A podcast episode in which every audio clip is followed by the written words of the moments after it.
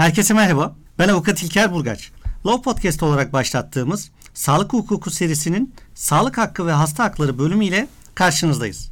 Bugünkü konuğumuz doçent doktor Gürkan Sert. Hocam hoş geldiniz. Hoş bulduk. Bugün yaşam hakkımızın en önemli parçası olan sağlık hakkı ve bunun bir uzantısı olan hasta hakları ile ilgili konuşacağız. Konunun çok boyutları var. Her boyutunu konuşamayacak olsak da önemli başlıklara mutlaka gireceğiz. Tam bu noktada hocam bir soruyla başlamak istiyorum. Sağlık hakkı nedir? Evet, sağlık hakkıyla ilgili tanımlamaya girmeden önce tekrar Low Podcast'te bize sağlamış olduğu bu olanaktan dolayı teşekkür ediyorum. Hem Sağlık Hukuku ve Eğitimi Derneği adına hem de sağlık hukuku alanında çalışan diğer bireyler adına gerçekten teşekkür ediyorum. Zannedersem önemli bir projeye imza atmış oldu her iki kurumda. Gerçekten iki kurumun böyle karşılıklı böyle güzel bir işbirliğini yürütmüş olması çok sevindirici. Evet, örnek bir çalışma ve ilham verici olacağına da şüphem yok. Evet gerçekten. Bu arada bu kadar genç ve istekli arkadaşlarla bu kadar olumlu, bu kadar yapıcı arkadaşlarla çalışmanın da keyfi ayrıca başka. Evet aslında sağlık hakkı pek çok yerde sorulur ve bu hakla ilgili pek çok açıklama ve tanımlama var. Sorunuzla ilgili şöyle birazcık daha geriden başlayarak bir sağlığı kısa tanımlamak istiyorum. Lütfen. Çok fazla tanım var sağlıkla ilgili ama en çok bilinen bir tanım vardır. Dünya Sağlık Örgütü'nün yaptığı tanımdır. Bu arada şunu da söyleyelim. Hani sağlık nedir ne değildir ile ilgili çok sayıda tanımlamalar var. Birbirini reddeden, birbirini kabul eden tanımlamalar da var. Ama aslında Dünya Sağlık Örgütü'nün yaptığı tanım sağlıklı olmaktır. Sağlıklılığın tanımıdır ve şöyle der. Bir bireyin fiziksel, ruhsal ve sosyal olarak iyilik halidir. Dolayısıyla sağlık hakkından söz ederken aslında bir bireyin fiziksel, ruhsal ve sosyal olarak iyi olması için talep edebileceği ya da hayata geçirilmesi gereken haklardan söz ediyoruz.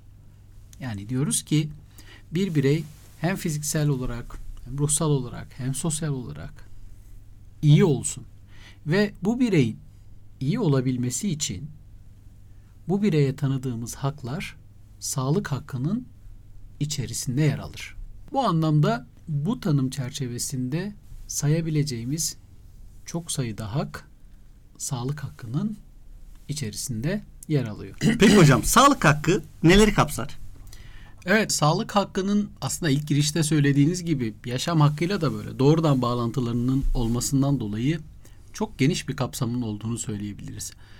Ama belki böyle teknik açıdan bir sağlık hakkının kapsamı ile ilgili bir sınıflama yapmak gerekirse sağlık hakkının bir yönünün pozitif statü haklarını içerdiğini, bir yönünün de negatif statü haklarını içerdiğini söyleyebiliriz. Şimdi konuya uzak e, dinleyicilerimiz için soruyorum. Kısaca pozitif ve negatif statü haklarını açıklasanız. Evet şöyle en genel tarifleriyle yine bir de bu sınıflamalar konusunda yine bildiğiniz gibi çok farklı tartışmalar da var ama en genel haliyle söylemek gerekirse pozitif statü hakları bireye otoriteden ya da devletten talep etme hakları verir.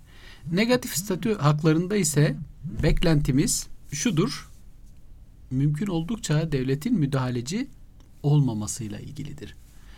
Şimdi bu kapsama göre sağlık hakkının bazı kısımları pozitif statü hakları içerisinde değerlendirilebilir. Şöyle söyleyebiliriz. Örneğin insanların sağlık hizmetlerine erişme hakkı.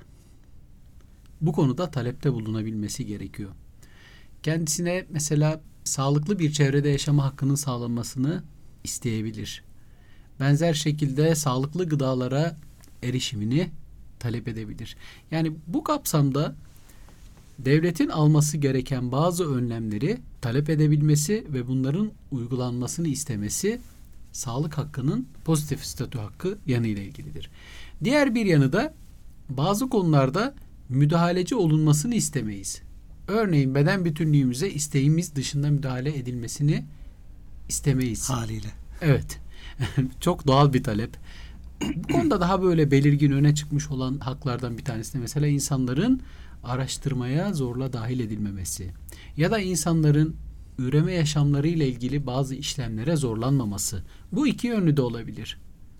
Yani zorla istekleri olmamalarına rağmen kısırlaştırılmaları da veyahut da daha doğurgan olmaları için zorlanmaları da bu kapsamda değerlendirilebilir. Yani sağlık alanındaki uygulamaların insanların yaşamına müdahaleci olmamasını istediğimiz bir alan vardır.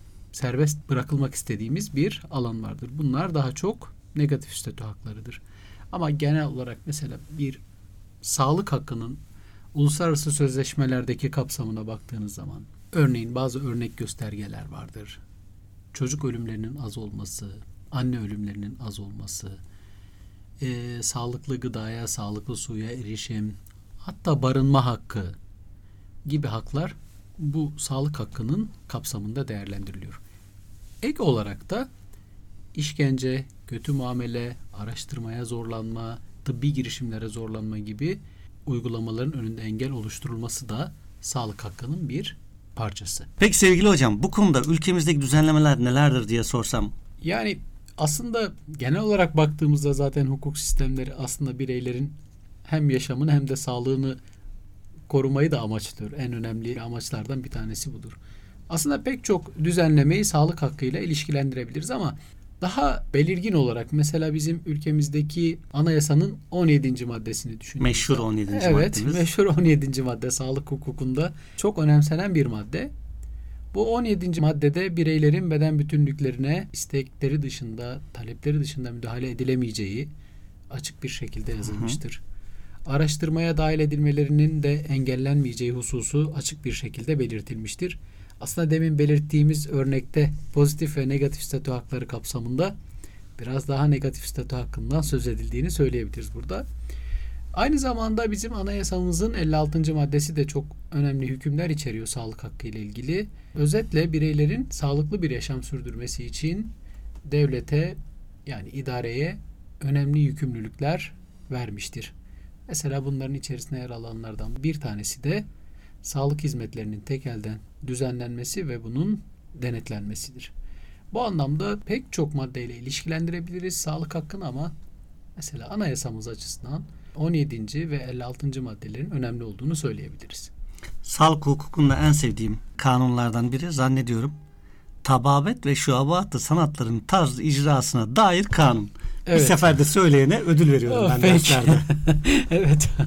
1928 tarihli olsa da e, aslında o düzenleme halen yürürlükte. Belki biraz sonra hasta hakları ile ilgili bölümde e, bu düzenlemedeki bazı hükümlerden de söz edeceğiz. Tam konu buraya gelmişken direkt sorumu sormak istiyorum. Hasta hakları nedir? Neleri kapsar hocam? E, hasta hakları en genel tanımıyla yine insan haklarının sağlık alanındaki uzantısıdır ya da yansımasıdır diyebiliriz. Yani bir birey olarak sahip olduğumuz bütün insan hakları, sahip olduğumuz bütün haklar aynı şekilde sağlık alanında da kullanılmalı. Yani bir bireyin beden bütünlüğüne saygı hakkı, bir bireyin özel yaşamına saygı hakkı nasıl varsa bu hakların sağlık alanında da tanınmasından söz ediyoruz. Dolayısıyla aslında hasta hakları insan haklarının e, sağlık hizmetlerinden yararlandıkları süreçteki görüntüsüdür diyebiliriz. Birbirlerine sıkı sıkıya bağlılar ve Evet, evet. ayrılmazlar Tabii aslında. ki yani aslında literatürde önemli de bir tartışma. Hani insan hakları çerçevesi, insan haklarıyla sıkı ilişkileri her zaman dile getirilir zaten hasta haklarının. Peki ülkemizde hasta haklarıyla ilgili düzenlemelerden bahsedecek olursak Evet aslında ülkemizde hasta hakları ile ilgili yasal düzenleme dendiğinde ilk akla gelen hasta hakları yönetmeliği oluyor. O da 1998 tarihlidir. Tabi akla hemen şu soru geliyor. Yani 1998 yılına kadar ülkemizde hasta hakları konusunda herhangi bir düzenleme yok muydu ya da hasta hakları korunmuyor muydu? evet E, aslına bakarsanız hasta haklarını koruyan düzenlemeler vardı. Ama tabii ki yani bunlar hastalara tanınmış haklar gibi değerlendirilemez. Belki devlete ve sağlık hizmeti sunan kişilere verilmiş yükümlülüklerden söz edebiliriz.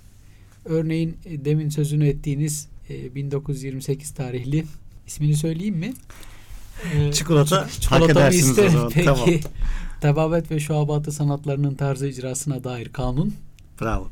Bu kanunun 70. maddesinde hastalardan onam alınması ile ilgili önemli bir hüküm var. Ayrıntısına şimdi girmeyeceğim çünkü e, yanılmıyorsam aydınlatılmış onamla ilgili bir e, seride bir bölüm var. Ayrıntısı Evet. konuşulur. Ama yani şunu vurgulamak lazım. Burada bir hasta hakkı olarak tarif edilmemiş. Hekime bir yükümlülük olarak verilmiş. Hastanın onamını almadan girişimde bulunma diye. Benzer olarak umumi hıfzı saha kanununda hastanın özel hayatını korumaya yönelik hükümler var. Örneğin frengi tespit edildiği zaman hastaya ait bildirimin gizli yapılması gerektiği açık bir şekilde belirtilmiş. Buna benzer şekilde bazı tüzüklerde bildirimlerin gizli yapılması konusunda yasalarda ifadeler var. Daha yeni tarihli bir düzenlemeden söz etmek gerekirse belki 1979 organ nakli yasası hastanın aydınlatılarak girişime alınması konusunda önemli hükümler içeriyor. 82 Anayasası ile ilgili demin konuşmuştuk sağlık hizmetlerine erişim konusunda Evet. ya da bunun sağlanması ile ilgili hükümler vardı. Ayrıca başka yasalarda yine hastaların sağlık hizmetlerine eşit adil bir şekilde erişimi konusunda önemli hükümler yer alıyordu. Bunları hasta hakları kapsamında mevzuat olarak değerlendirebiliriz ki literatürde zaten bunlara özellikle vurgu yapılıyor. Pek çok düzenlemeden söz ediliyor. Ama şöyle önemli bir ayrım var. Hasta hakları yönetmeliği ile beraber tabi yönetmelik olarak çıkması yeterli değildi. Belki yasa olarak düzenlenmesi daha önemliydi. Daha doğru bir yaklaşımdı ama yönetmelikle beraber biraz daha ne diyelim aktif bir hak kullanımından, hak talebinden söz edebiliyoruz hasta hakları konusunda. Hasta haklarına devam etmek istiyorum. Bu haklar nelerdir hocam? Yani hastaların hangi hakları vardır ve bunları sıralamak gerekirse nasıl bir sıralama yaparsınız? Evet, e, sınavlarda sorduğumuzda zorlanılan hükümlerden biri. Hı hı. Kabaca hasta hakları nelerdir diye bir düşündüğümüz zaman aslında aklımıza pek çok hak geliyor olabilir ama bunları sıralamak, sınıflamak gerçekten aslında o kadar da kolay değil. Hocam o yüzden buradasınız. Ee, aslında şöyle ilk olarak hastaların sağlık durumlarına göre ve ihtiyaçlarına göre sağlık hizmetine erişim hakkından söz edebiliriz. Bununla beraber hastaların sağlık hizmetleri konusunda bilgilendirilme hakkından söz edebiliriz. Yine bunun yanında hastaların sağlık durumları konusunda ve kendilerine gerçekleştirilecek girişimler konusunda bilgi alma haklarından söz edebiliriz özel hayatlarına saygı hakkından söz edebiliriz. Sağlık hizmetlerinden yararlanırken insani değerlerine saygı gösterilmesinden söz edebiliriz. Bu konuda şöyle bir iki örnek verebiliriz. Mesela vicdani kanaatlere saygı, inançlara saygı, ondan sonra hastanın ziyaretçi kabul edebilmesinden söz edebiliriz. Yine bu insani değerlere saygı kapsamında veyahut da yanında refakatçinin kalmasından da söz edebiliriz. Belki daha böyle geniş başlıklarla yine bunlarla ilgili açıklamalarda bulunuruz ama sıralamak gerekirse bu şekilde sıralayabiliriz. Teşekkür ediyorum. Hepsi birbirinden değerli haklar. Ona hiç şüphe yok. Şimdi biraz daha ayrıntılarına girmek istiyorum. Öncelikle bilgilendirme hakkını sorsam bununla ilgili neler söyleyebilirsiniz hocam? Evet yani bilgilendirmeyi iki ana başlıkta toplayabiliriz. Bu bilgilendirmeden ilki aslında hani ben hasta olarak hizmetlerden nasıl yararlanırım konusunda bilgilenme hakkından söz edebiliriz. Günümüzde baktığımızda önemli sorunlardan bir tanesi de bu. Başvurduğunuz kurumdan hizmeti nasıl alacağınız konusunda bilgi sahibi olmadığınız zaman ihlallerle karşılaşmanız ya da ihlalle karşı karşıya kaldığınızı düşünmeniz mümkün. Şöyle oluyor. Mesela yani başvurduğunuz zaman orada o kurumda hangi hizmetin hangi koşullarda verildiğini bilmiyorsanız ve bu konuda size bir bilgilendirme yapılmıyorsa sağlık hizmetinden yararlanmanız o kadar kolay olmuyor ya da eksik bir yararlanma söz konusu olabiliyor. Bilgilendirilmenin önemli olduğuna hiç şüphe yok. Aksi halde elde harita olmadan şehirde kaybolmaya benzer. Aynen öyle oluyor. Peki hocam bu bilgilendirmeyi kim yapacak? Hasta olarak gittik. Sorumlu olan kim? Kiminle muhatap olacağız ya da kim bizimle muhatap olacak? Evet, e, hasta hakları yönetmeliğine baktığınız zaman hizmetlerden yararlanma ile ilgili tedbirleri almanın yükümlülüğünü yönetmelik tamamen sağlık hizmetini sunan kurum ve kuruluşlara vermiştir. Bu anlamda hastanelerin gerekli tedbirleri alması gerekiyor. Hani ne gibi tedbirler olabilir? Bazı örnekler de vermiş. Yani ilgili broşürlerin hazırlanması, yönlendirici tabelaların hazırlanması, başvuruculara ya da hastalara bu anlamda bilgi verebilecek yeterliliği olan danışmanların ya da danışma merkezlerinin bulundurulması gibi kurallara açık bir şekilde yer vermiş. Yani aslında her kurumun bütün bu önlemleri alması gerekiyor. Yine çok sevdiğimiz bir konuyla devam etmek istiyorum. Aydınlatılmış onam. Ülkemizde çok konuşuluyor. Bunun üzerine seminerler, kongreler yapılıyor, yazılar yazılıyor. Sizin de kitaplarınızda önemli başlıklardan bir tanesinin aydınlatılmış onam olduğunu görüyoruz. Peki bu program çerçevesinde size desem ki hastaların aydınlatılmış onam hakkıyla ilgili neler söyleyebiliriz? Evet yine demin dediğim gibi ana bölümlerimizden bir tanesi aslında aydınlatılmış onamla ilgili olduğu için çok ayrıntıya girmeden Lütfen. öncelikle şu hususu söylemek istiyorum. Bu hususun bilinmesi gerekiyor. Bir kere aslında aydınlatılmış onam hastayla hekim arasında ve hastayla sağlık çalışanı arasındaki en derin insani noktalardan bir tanesidir. Ve baktığınız zaman tıbbın felsefesine, yaklaşımına kesinlikle uygun bir yaklaşım içerir. Yani beden bütünlüğüne müdahale ettiğiniz kişiye bilgi vermek ve bu bilgi kapsamında ondan onam almaktan söz ediyoruz. Birazcık günümüzde hukuksal bir tartışmaya dönüşmüş ve böyle yine tırnak içinde söylüyorum içinden çıkılmaz bir haldeymiş gibi görülüyor. Oysa ki temel yaklaşım bu insani ilişki üzerinden olmalı. Yani beden bütünlüğüne müdahale ettiğimiz kişinin neden beden bütünlüğüne müdahale edildiği ve bunun nasıl olacağı, kendisinde ne gibi değişikliklere neden olacağı konusunda bilgilendirilmesi gerekiyor. Bu anlamda daha ayrıntılı bilgi aydınlatılmış olan bölümünde olsa da bir hastanın mutlaka sağlık durumu, kendisine gerçekleştirilecek tıbbi girişimler, bu girişimler varsa alternatifleri konusunda, bu girişimlerin neden verebileceği zararlar konusunda, riskler konusunda ve sağladığı yararlar ve avantajlar konusunda hastanın anlayacağı şekilde, anlayacağı bir yöntemle bilgilendirilmesi gerekir. En tartışmalı hususlardan birisi de mesela bu bilgilendirme yazılı mı yapılacak, sözlü mü yapılacak? Evet, evet. E şöyle söyleyelim, ülkemizdeki sistem aslında sözlü aydınlatmayı öngörüyor. Sadece kanunun öngördüğü hallerde, yasal düzenlemelerin öngördüğü hallerde yazılı yapılması gerektiğini vurguluyor. Şöyle örnekler verelim. Tüp bebek uygulamalarında, kürtaj uygulamalarında, organ nakli, organ naklinde, cerrahi girişimlerde buna benzer uygulamalarda yazılılığı şart koşuyor. E, ama şu anda ülkemizde böyle yazılılığa doğru giden bir ne diyelim bir akımın olduğunu da söylemek mümkün. Kısaca şunu söyleyebilir miyiz hocam? Hastaya ameliyattan hemen önce mavi önlük tersten giderilmiş ve damar yolu açılmış vaziyetteyken 8 sayfa yarısı latince bir formun sonuna okudum anladım diyerek yazdırarak imza attırılmış olması o hastanın aydınlatılmış onam hakkından faydalandığı anlamına gelir mi gelmez mi? Kuşkusuz gelmez. Kuşkusuz Teşekkür gelmez. ediyorum hocam. özel hayata girmek istiyorum. Öz, hastaların, Evet özel hayata girmemek Evet, lazım. özel hayata. Hastaların özel hayatına girelim öyleyse. Aa, o daha da tehlikeli. Değil mi? Bu konuda saygı hakkı neleri kapsar hocam? Evet. Özellikle yani hastaların özel hayatına saygı hakkı e, çok özellikle. Hatta şöyle söyleyebiliriz. Mesela uluslararası sözleşmelerde, uluslararası belgelerde kişilerin sağlık verilerinin hassas veriler olduğu, özellikli veriler olduğu özellikle vurgulanmaktadır. Ama bunun yanında yani kişisel verilerinin dışında hastaya ait yine pek çok özellik, pek çok konu hastanın özel hayatının bir parçasıdır. Ve hastanın aslında bizden istediği yaşamını devam ettirmek için sağlığını geri kazanmaktır.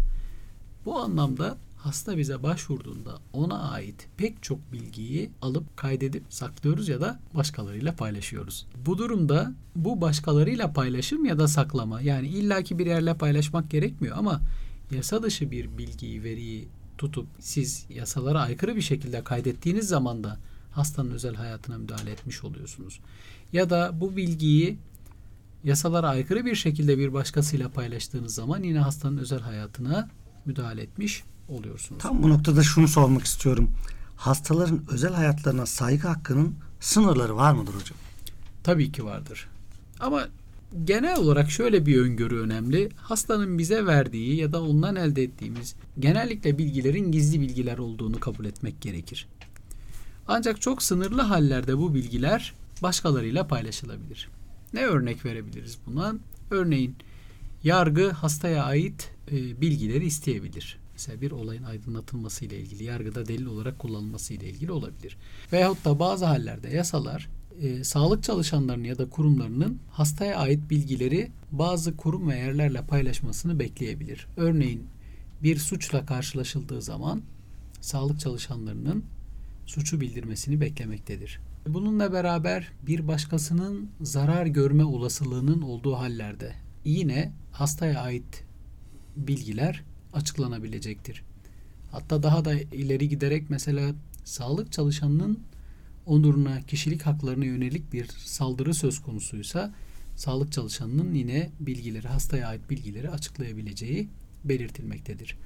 Ama yine bu sağlık hukuku serisinin kişisel verilerle ilgili bölümünde bu konuya değinildiği için mesela kişisel verilerdeki sınırlar bunlara erişim konusuna sınırlara değinmiyorum ama tabii ki özel yaşamın o kısımları da var. Dolayısıyla diyoruz ki merak eden dinleyicilerimiz seriyi tamamlarlarsa gerçekten aydınlanacaklardır. Doğru. Peki. Çok güzel. Program arasında sağlık hizmetlerine erişim hakkından söz ettiniz hocam. Bu konuda ne söyleyebiliriz? Hastaların sağlık hizmetlerine erişim hakkı ile ilgili sistemsel sorunlar olduğu gibi bazen bireysel sorunlar da olabilir. Yani demin verdiğim örneklerde bir sistemin yeterli olmaması, programların yeterli olmamasından söz ediyoruz. Sağlık Evet. hizmetlerine erişim konusunda.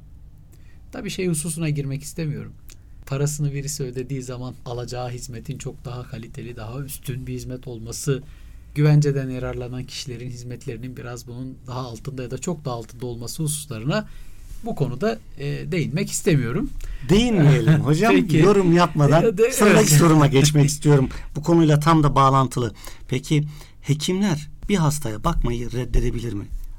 Olabiliyorsa hangi şartlarda? Ee, evet yani reddedebilirler ama hani her iki cevabı da verirseniz doğru olur. Reddetemezler deseniz de olur. Şöyle söyleyelim. Bazı şartlarda reddedebilirler. Normalde sağlık hizmeti talep eden kişiye sağlık hizmetinin sunulması gerekiyor. Mesela bir tedavi talep ediyorsa bu tedavinin karşılanması gerekiyor. Ama bunu vermek istemiyorsa hekim ya da diğer çalışanlar mutlaka etik ve yasal açıdan kabul edilebilir bir gerekçe ileri sürmelidir. Genellikle bu gerekçeler üzerinde tartışılırken mesela bir hekimin çok yakınının ameliyatına girmek istememesi gibi ya da hekimle hasta arasında bir şiddet problemi yaşanmışsa buna dayanarak hekimin görevden çekilmesi gibi örnekler verilebiliyor. Ama bazen e, mesela bir tıbbi açıdan bir gerekçe gösterilmeden, yasal açıdan bir gerekçe gösterilmeden redlerle de karşılaşıyoruz. Hatırlarsanız e, HIV'le yaşayan bir kadının Evet. doğumuna girilip girilmemesi konusu tartışma konusu olmuştu. Ülke çapında bir tartışma olmuş. Evet ülke çapında bir tartışma olmuştu ama şöyle bir gerçek vardı orada. Belki oradaki hizmet işledi ya da işlemedi bir şekilde tartışılabilir ama hasta böyle bir hizmete erişmeme riskiyle karşı karşıya kalmıştı. Ki bunlar bazen halen de benzer şekilde kendini gösterebiliyor. Bu anlamda şunu söylemeliyiz. Yasaların öngördüğü hallerde reddedebilir. Bir örnek vereyim mesela ne olabilir? Hekim hastayı muayene etti, konsültasyona ihtiyaç duydu. Hastayı konsültan hekime yönlendirdi. Hasta konsültasyon istemedi. Burada hekim hastayı bırakabiliyor ya da reddedebiliyor. Veya yine Anladım. konsültasyondan bir örnek daha verelim. Bu defa hasta konsültasyona gitti. Konsültan hekimle tedavi eden hekim farklı fikirlerde. Hasta da konsültan hekimi beğendi. Yani onun fikrini beğendi diyelim. Bu durumda da tedavi eden hekim hastayı bırakabilir. Bir de devam eden bir tedavide hekimin hastayı bırakması ile ilgili bazı sorunlar olabilir. Yani tedavi devam etmektedir ama hekim hastayı bırakmaya karar vermiş olabilir. Burada da hastaya zarar vermeyecek gerekli bütün önlemler alındıktan sonra hasta bırakılabilir.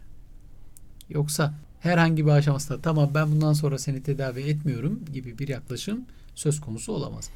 Bazen şöyle şikayetler geliyor. bu Hipokrat'la hususta. da bağdaşmazdı zaten Evet. böyle bir tutum sanıyorum. Evet, e, bazen şöyle şikayetler gelebiliyor. Yani bu değişik görüntülerde olabiliyor. Yani örneğin bir hasta, onkoloji hastası düzenli kemoterapi alıyor. Yine kemoterapisini almaya gittiğinde hekiminin yurt dışına çıktığı 6 ay orada olmayacağı söyleniyor ve gidip kendine yeni bir kurum ve yeni bir hekim bulması söyleniyor. Bana sorarsanız burada tamamen bir yasal olmayan hasta bırakma vardır. Burada doğrudan hekimi sorumlu tutmak doğru olmayabilir. Belki çünkü bu defa kurumun hastayı yönlendirmesi gerekiyordu hizmet alacağı yere veyahut da hekimin uygun bir süre önce bilgilendirme yapması gerekiyordu. Bazen tedaviyi zamanında almamak çok ciddi zararlara da neden olabilir. Biraz tatsız bir konuya gelmek istiyorum. Hastaların son aşamasında olduğunu düşünelim. Ölme hakkından bahsediliyor. Onuruyla ölme hakkından bahsediliyor. Nedir bu hocam? Onuruyla ölme hakkı şöyle söyleyeyim bazen haksızlığa uğrayabiliyor diyebiliriz şu anlamda. Çünkü onuruyla ölme hakkını tartışırken genellikle ötenazi üzerinde durulur. Tabii ki ötenazi tartışmaları onuruyla ölme hakkının önemli başlıklarından birisi ama tek başlığı değildir. Bir de ötenazi kavramından ne anlaşıldığı konusu da çok önemli. Evet. Ee, yine zannedersem e, sağlık hukuku ve eğitimi derneği ile Law Podcast'in yine ileride yapacağı serilerin içerisinde ele alınacak e, bölümlerden birisi de bu. Ama burada şöyle kısaca değinmek lazım. Ötenazinin tek bir tanımı yoktur, tek bir çeşidi yoktur. Farklı farklı tartışmalar vardır. Bunların içerisinde farklı boyutları vardır. E, bütün bunlara girmeden, bunları değerlendirmeden onuruyla ölme hakkını reddetmek yanlış. Bir de onuruyla ölme hakkının çok önemli boyutları da vardır. Yaşamın son dönemindeki hastanın sahip olduğu bütün haklardan yararlanma hakkının olduğu göz ardı edilmemeli. Örneğin acılarının dindirilmesi, rahat ettirilmesi, ilaçlarının verilmesi, istekleri doğrultusunda hareket edilmesi yani tedaviye devam edilip edilmemesi gibi hususların da göz önünde bulundurulması, mahremiyetinin korunması gibi konular da onuruyla ölme hakkının önemli başlıkları. Hasta hakları konusunda çok değinilmeyen ama aslında son dönemlerde de gazetelerde rastlıyoruz. Yakın zamanda da bir konunun muhataplarıyla röportaj yayınlandı. Yaşamının son evresinde olan bir hastaya bu durum açıklanmalı mı, açıklanmamalı mı? Yani aslında sadece yaşamın son döneminde karşılaşılan bir problem gibi düşünmemek lazım. Bu hastadan gerçeğin saklanması, hastaya gerçeğin söylenmemesi başlığında aslında literatürde yani, yer alan pardon konuda. sözünüzü kesiyorum. Hı hı. Bazı kanser türleri var. Bir anda ortaya çıkıyor ve 3 ay ömrü kaldığı belirleniyor. Hı hı. Ve doktor bunu hastaya söylemek yerine yakınlarıyla paylaşıyor. Ve Hı hı, yakınları hı. birçok sebepten bunu hastaya söylemeyi tercih etmiyorlar. Evet yani aslına bakarsanız yine hasta hakları konusunda esas konu biz hastayı merkezde tutarız ve hastaya göre hareket edilmesi gerekir. Yani burada öncelikle hastanın bilgilendirilmesi amaçlanmalıdır. Hastayı bilgilendirmediğiniz zaman çok ciddi hak ihlallerine de gitmiş oluyorsunuz. Örneğin hastanın sağlık durumu konusunda bilgilendirilme hakkını ihlal etmiş oluyorsunuz. İkincisi hastanın beden bütünlüğüne müdahale edilmesi konusunda da ihlallere gidiyorsunuz. Çünkü neden bir girişimi gerçekleştirdiğinizi, bir tedavi verdiğinizi hastaya açıklamadığınız zaman veya bu konuda doğru bilgiyi vermediğiniz zaman hastayı Onamını da alamamış onamını da almamış oluyorsunuz. Daha da ötesi ona bilgi vermediğiniz zaman mutlaka bir yakınına ya da bir başka kişiye bilgi vermeniz gerekiyor. Mahremiyette gitti. Mahremiyete gitti. Evet doğru. E, bu anlamda çok ciddi sorunların olduğu bir konu bu konu. Ve mümkün oldukça hastanın anlayabileceği şekilde bilgilendirilmesi, bilgilerin kendisine verilmesi önemli. Ama şu hususa değinmek lazım sevgili İlker. Şu husus önemli. Hasta bilgilenmeme hakkını kullanabilir. Ki bizim yönetmeliğimizde bu hak tanınmış, uluslararası belgelerde tanınmış. Yani gerçekten hastanın böyle bir talebi varsa, mesela bizim yönetmeliğimize göre bunu yazılı talep ederse ve yerine kimin bilgilendirileceğini tespit ederse, söylerse bu bilgilendirme o kişiye doğrudan yapılabilir. Şu anda genel yaklaşım şudur. Artık hastaya gerçeğin söylenmemesinden uzaklaşılmaktadır. Bir noktayı daha belki söylemek önemli. Ne kadar gerçekçi tanıyı söylememek. Her gün onkoloji servisine geçirip çıkardığınız bir hastaya kemoterapi alan, radyoterapi alan e, bir hastaya kanser olup olmadığını, bir hastadan kanser olduğunu saklamak ne kadar gerçekçi? Bir diğer önemli risk de bu defa hasta yetkili olmayan bir kişiden bilgi edinebilir. Yani tamam hekim sakladı, yakınlar sakladı ya da yakınlardan biri hekim gibi kuşkusuz hissettirmeyecektir aynı duyarlılıkta ve aynı bilgi kapsamında. Bu nedenle bu yaklaşımdan uzaklaşılması gerektiğini düşünüyorum ama hasta özellikle bilgilenmek istemediğini beyan ederse buna da uyulması gerektiğini düşünüyorum. Hocam hasta hakları konusunda aydınlandığımızı hissediyorum. Ağzınıza sağlık. Çok güzel bir podcast çalışması yapmış olduk sayenizde. Her şey için teşekkür ediyorum. Ben İyi teşekkür çalışmalar ederim. diliyorum. Çok keyifli bir programdı. Sağ olun. Ben avukat İlker Burgaç ve sevgili konuğum doçent doktor Gürkan Sert hocamızla beraber yaptığımız hasta hakları konulu podcast çalışmamız sona erdi. Yayınlarımızı lowpodcast.co, Spotify ve başka platformlardan takip edebilirsiniz. Sağlıkla kalın.